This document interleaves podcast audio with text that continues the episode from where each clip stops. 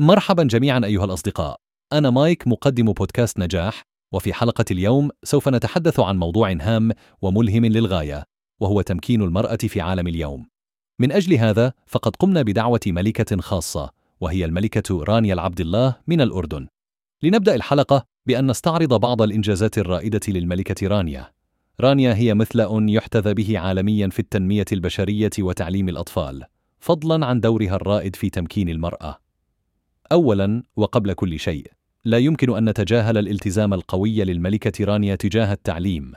لقد كرست جهودها النبيلة لتحسين المدارس في الأردن وجعل التعليم متاحا للجميع بغض النظر عن جنسهم أو الطبقة الاجتماعية التي ينتمون إليها. رانيا تؤمن بالقوة التحويلية للتعليم وتعتبره الأداة الأكثر فعالية لتحقيق المساواة بين الجنسين. ثانيا قامت الملكة بالعديد من المبادرات الهامة لتمكين المرأة في الأردن وخارجه. من أبرز هذه المبادرات هو منتدى النساء العالمي وهو منصة عالمية تجمع النساء القائدات في مجالات متنوعة لبحث القضايا الأكثر إلحاحا التي تواجه النساء اليوم. وأخيرا ما يجعل الملكة رانيا رمزا للنساء العربيات هو أنها تستخدم منصتها للحديث عن القضايا النسائية. على الرغم من أنها تتعرض للكثير من الانتقادات إلا أنها لم تتوقف عن الدفاع عن حقوق النساء وتشجيعهن على النهوض وتحقيق أهدافهن.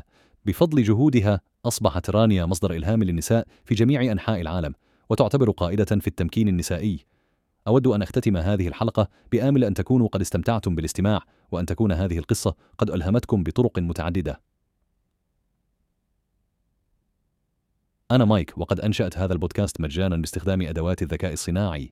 تعلم كيف فعلت ذلك في mrc نقطة fm/x أراكم غدا.